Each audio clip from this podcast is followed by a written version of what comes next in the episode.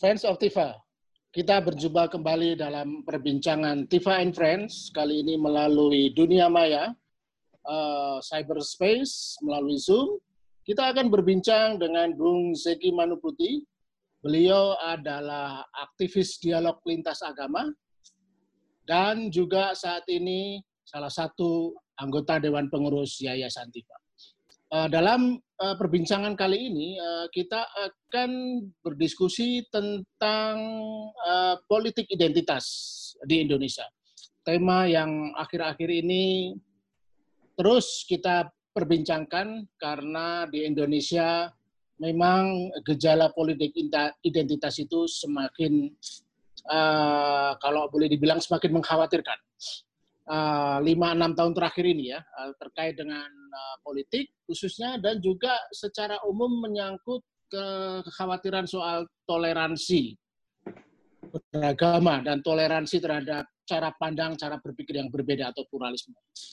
Nah, saya langsung saja, uh, Bung Zeki, sebagai aktivis dialog lintas agama dari kelompok minoritas, apakah uh, Bung menganggap situasi toleransi terhadap pluralitas, kemudian juga uh, berkaca dari dua pemilihan presiden kemarin, uh, apakah memang ada mas sedang ada masalah dengan situasi sosial politik Indonesia saat ini terkait dengan maraknya uh, politik identitas? Selamat siang, Bung Lukas. Ya, dan salam buat Friends of Tifa menarik memang membicarakan isu ini ya karena fakta Indonesia sangat kaya dengan keragaman, dengan kemajemukan. Kita punya tujuh ratusan suku dan lebih dari seribu bahasa ya. Kurang lebih ada tujuh belas ribu pulau. Ini merupakan anugerah melting pot terbesar di dunia, tetapi juga ya membawa menghadirkan tantangan dalam upaya pengelolaan ya, kehidupan pluralisme dan toleransi. Nah sampai saat ini memang narasi-narasi keindonesiaan kita masih kental dengan masalah suku, masalah agama, ras, antar golongan, kelompok politik. Sekalipun kita terus-menerus menyuarakan isu toleransi, bahkan merayakannya. Saya kira suburnya narasi-narasi seperti ini sesuatu yang wajar bila kita mengelolanya sebagai bentuk perayaan kemajemukan dan kekayaan kita. Permasalahan lalu muncul ketika kemajemukan identitas ini dibentur-benturkan dan ketegangannya dilanggengkan untuk tujuan-tujuan politik dan lainnya. Nah, apa yang kita sebut sebagai politik identitas sendiri, bagi saya merupakan perlawanan terhadap semangat kemajemukan dan pluralisme ya, yang menentang tentunya penyeragaman narasi-narasi dalam uh, kehidupan kehidupan uh, ya masyarakat modern. Nah, politik identitas ini sendiri berkembang dengan marak ya sejak tumbangnya Orde Baru pada 98. Dan dalam politik kekinian dia hadir sebagai sebuah antitesis ya, atau pada saat itu sebagai, hadir sebagai sebuah antitesis atas sentralisme kekuasaan, penyeragaman menyeluruh yang dijalankan selama Orde Baru. Hmm. Nah saat itu kita temukan bahwa kemajemukan lalu ditransformasi oleh kelompok-kelompok elit, mengalami instrumentalisasi politik untuk perebutan-perebutan kekuasaan. Dan hal ini merangsang berbagai bentuk intoleransi, bahkan praktek-praktek kekerasan sampai pada saat ini, bukan saja dalam wilayah agama ya, Eh, tetapi juga dalam wilayah-wilayah etnis, ya, kelompok sosial, tidak saja pada level nasional, tetapi juga pada event-event politik pada level lokal.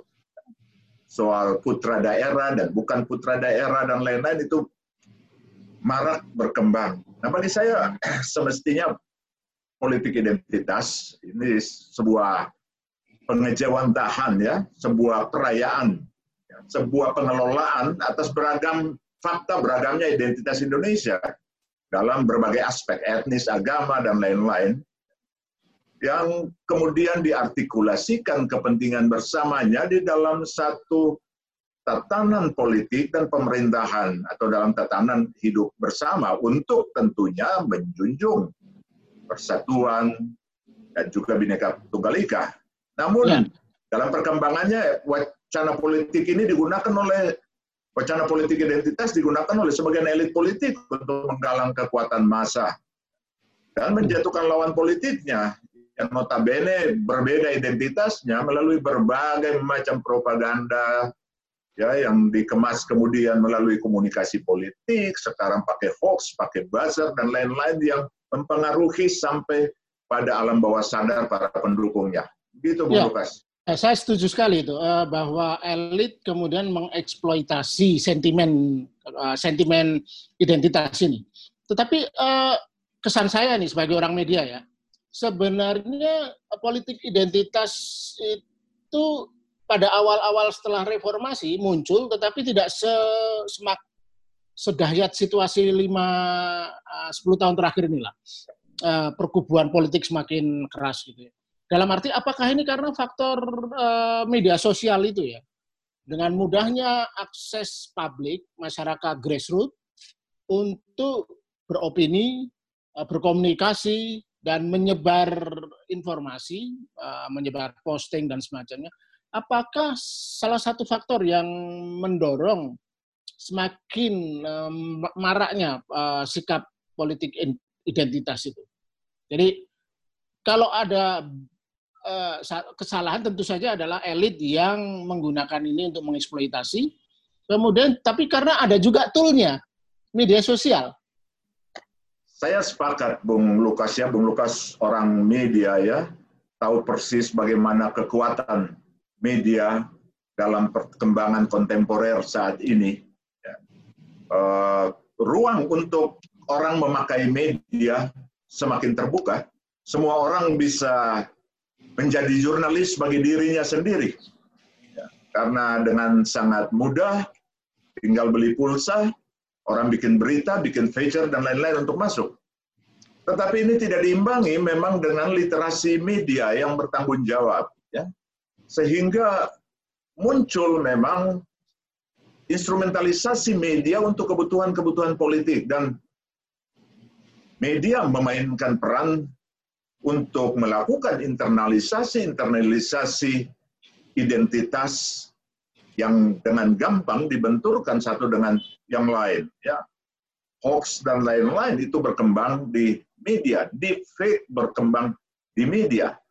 Uh, sebuah teknik untuk melakukan repetisi narasi terus-menerus sehingga menginternalisasi imajinasi-imajinasi yang yang terbayang yang tidak real itu dibentuk dari waktu ke waktu seperti orang melakukan apa advertising terhadap iklan ya yang tidak merasa membutuhkan satu produk akhirnya dalam sekian waktu lalu merasa bahwa identitasnya eksistensinya akan semakin kuat ketika dia terkait dengan produk itu.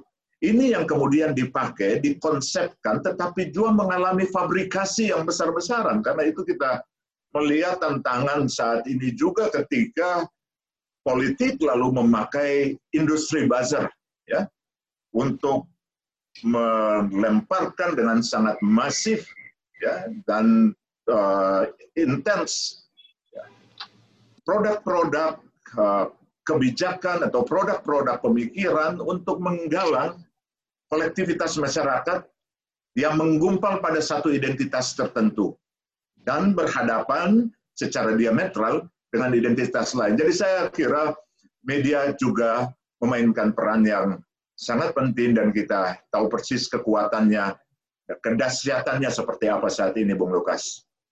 Sebagai aktivis dialog lintas agama yang uh, kebetulan dari kelompok minoritas nih, sejauh mana dari pandangan dari kelompok minoritas uh, menilai situasi ini? Apakah menurut Bung Zeki, kalau ada skala bahaya itu 1 sampai 5, satu aman-aman saja, tiga agak mengkhawatirkan, lima bahaya. Kira-kira men menurut level-level 1 sampai 5 ini kondisinya seperti apa? Dan adakah pendekatan antisipasi dari kelompok minoritas melihat uh, mengantisipasi situasi? Saya kira overall, Bung Lukas, itu tingkat bahayanya sudah tiga ke atas, mungkin belum sampai sangat bahaya seperti lima. Ya. Tapi itu bukan cuma pada kelompok-kelompok minoritas. Saya kira persoalan kita saat ini adalah mendeliver sebuah fakta yang kita verifikasi termasuk berdasarkan hasil-hasil riset. Hmm. Banyak teman-teman pada lembaga-lembaga riset melakukan uh, riset yang cukup serius, tetapi mengalami kesulitan untuk mendeliver hasil risetnya untuk bisa diterima, bahkan untuk mempengaruhi perumusan-perumusan kebijakan. Karena itu tadi saya katakan, ya imajinasi-imajinasi uh, kolektif sudah dibentuk dan dibentuk dengan kekuatan industri, Basar misalnya dan lain-lain, yang mengelola apa yang tidak faktual menjadi fakta. Ya. Fakta-fakta palsu yang dikembangkan dan itu diterima dan mempengaruhi uh, realitas atau dinamika-dinamika bersama di dalam kehidupan sosial dan uh, kemasyarakatan. Jadi kita menjadi sangat sulit sekarang untuk membaca dan menentukan apakah ini fakta ataukah ini opini yang dijadikan fakta. Nah, saya kira itu uh, kondisi yang menyeluruh ya in general kita alami. Nah, bagi kelompok-kelompok uh, minoritas ya tingkat kesulitannya tentu lebih tinggi ya. Tingkat kesulitannya tentu lebih tinggi ketika sudah terbentuk ya uh, ya uh, hegemoni majoritas dalam pengelolaan informasi. Sehingga bagaimana kita menghadirkan menghadirkan fakta-fakta yang faktual berdasarkan verifikasi-verifikasi yang benar itu tidak gampang dan dalam banyak kasus itu terjadi tidak saja terkait dengan agama, tetapi juga minoritas-minoritas dalam persoalan-persoalan etnis misalnya. Kasus-kasus Papua yang kita lihat belakangan ya, muncul, mulai kasus Surabaya dan lain-lain, kemudian berkembang menjadi masalah di Papua dan lain-lain. Ya, dia bergeser dari hal-hal yang faktual dan dengan cepat ya hal-hal yang merupakan pernak-pernik, gimmick-gimmick diangkat menjadi fakta yang didebat, dibicarakan, dan lain-lain, dan orang lupa pada persoalan-persoalan yang menjadi akar dari masalah yang dibicarakan. Jadi saya melihatnya seperti itu, Bung Lukas. Hmm. Eh, dengan perspektif seperti ini, eh, apakah menurut Bung Zeki, demokrasi menjadi terancam situasinya ya? Atau satu, entah demokrasinya yang terancam atau demokrasi ternyata justru menjadi katalisator bagi munculnya uh, sentimen-sentimen uh, identitas ini.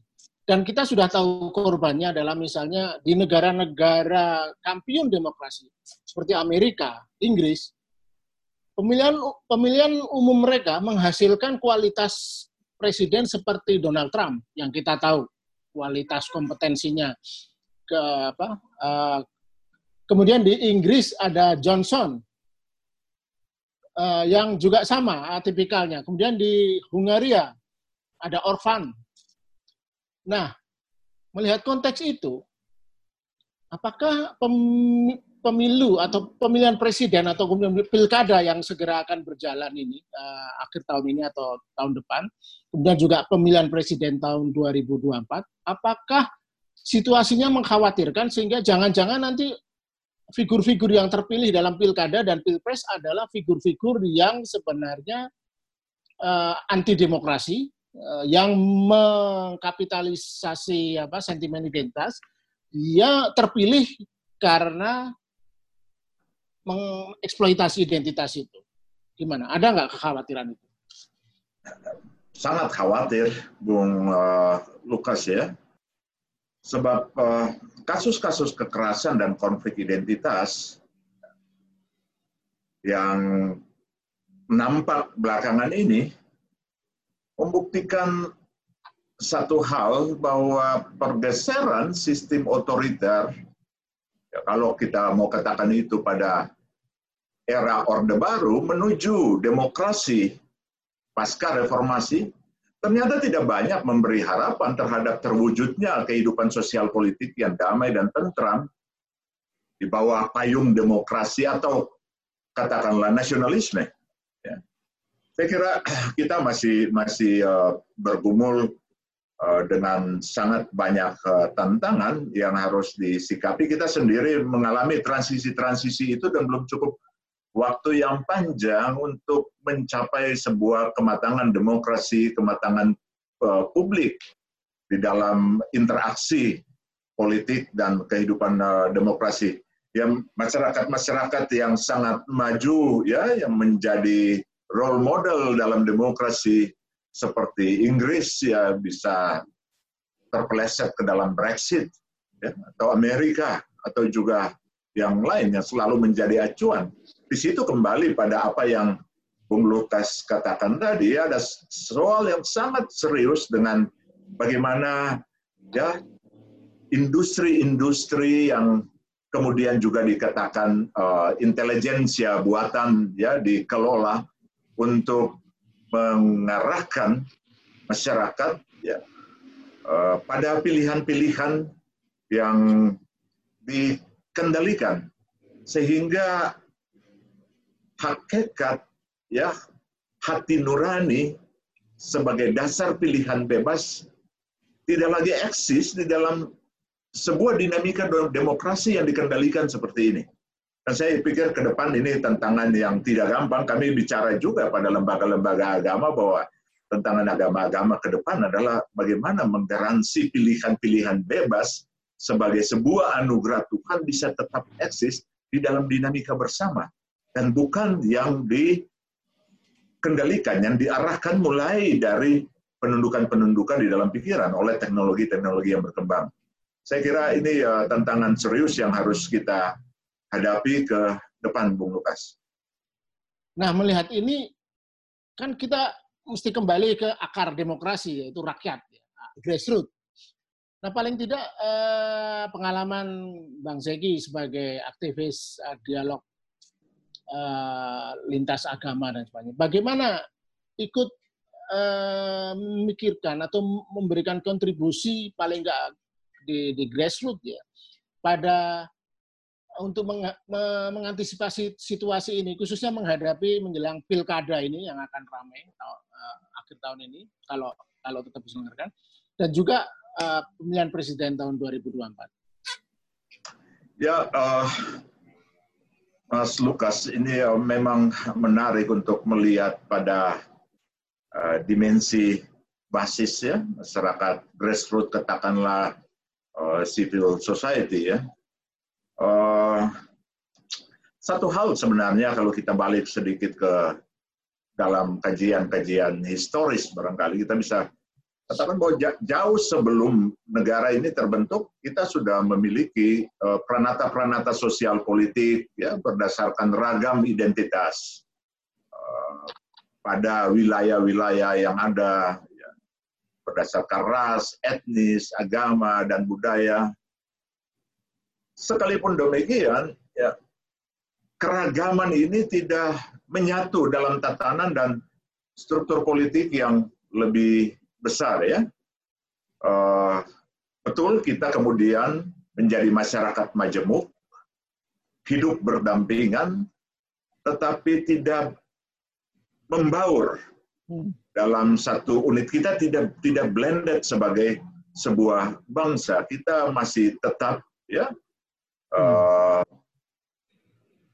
men, dalam proses untuk menjadi menjadi bangsa yang yang utuh artinya ada kerapuhan yang belum tuntas diselesaikan. Ya.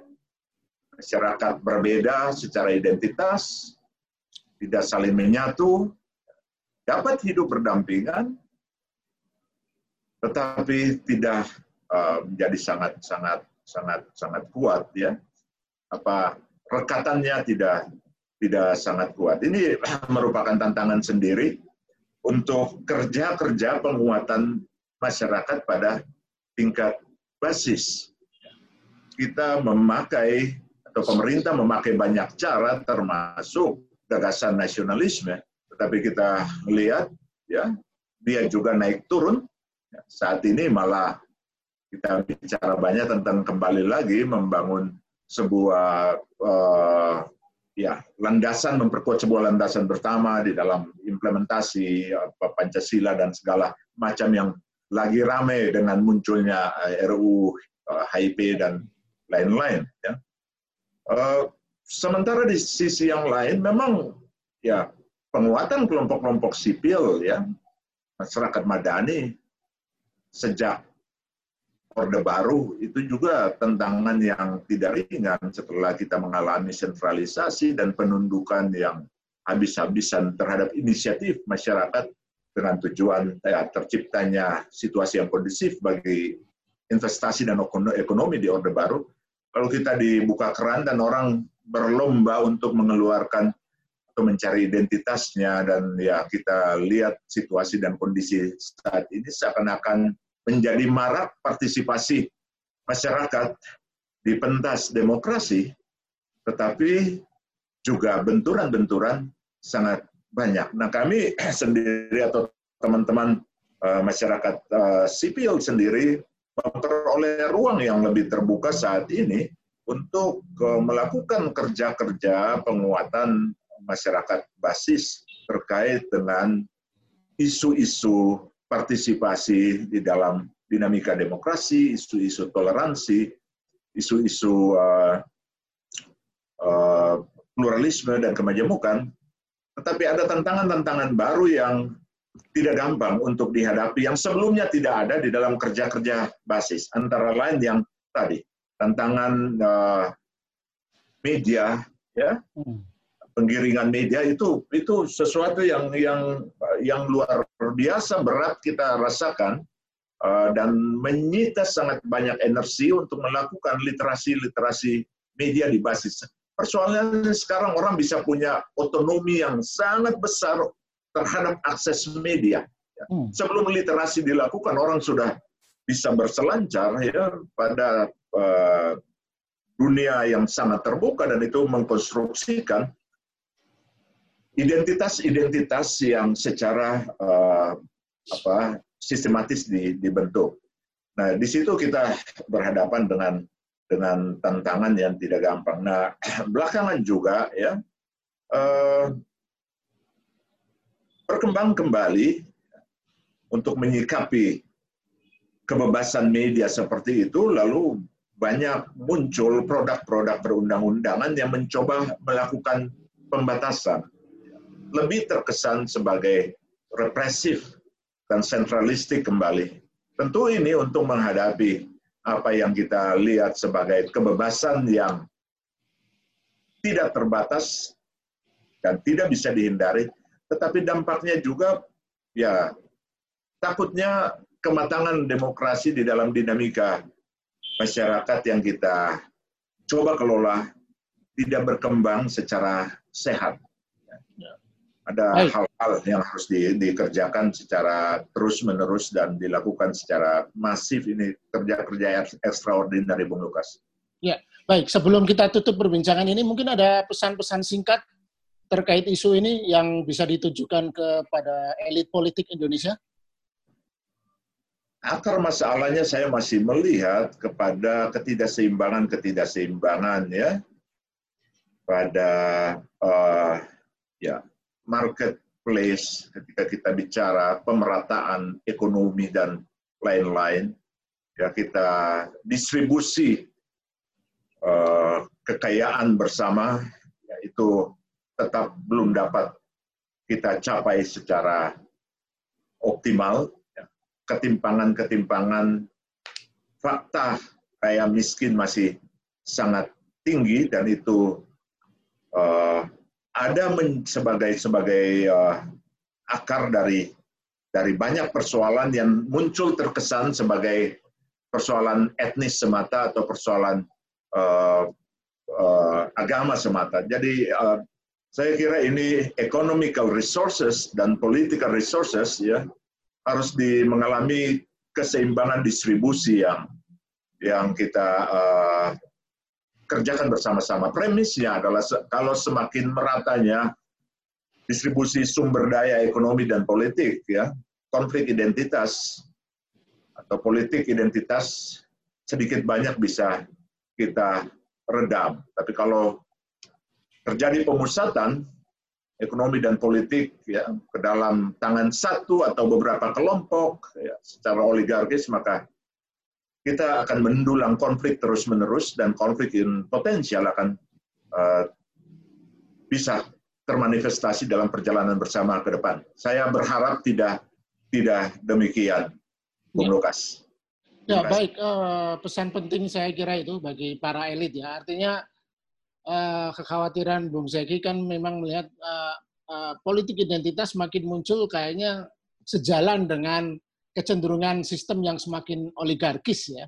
Pemusatan pemusatan uh, politik dan pemusatan ekonomi di kelompok keluarga tertentu atau elit tertentu.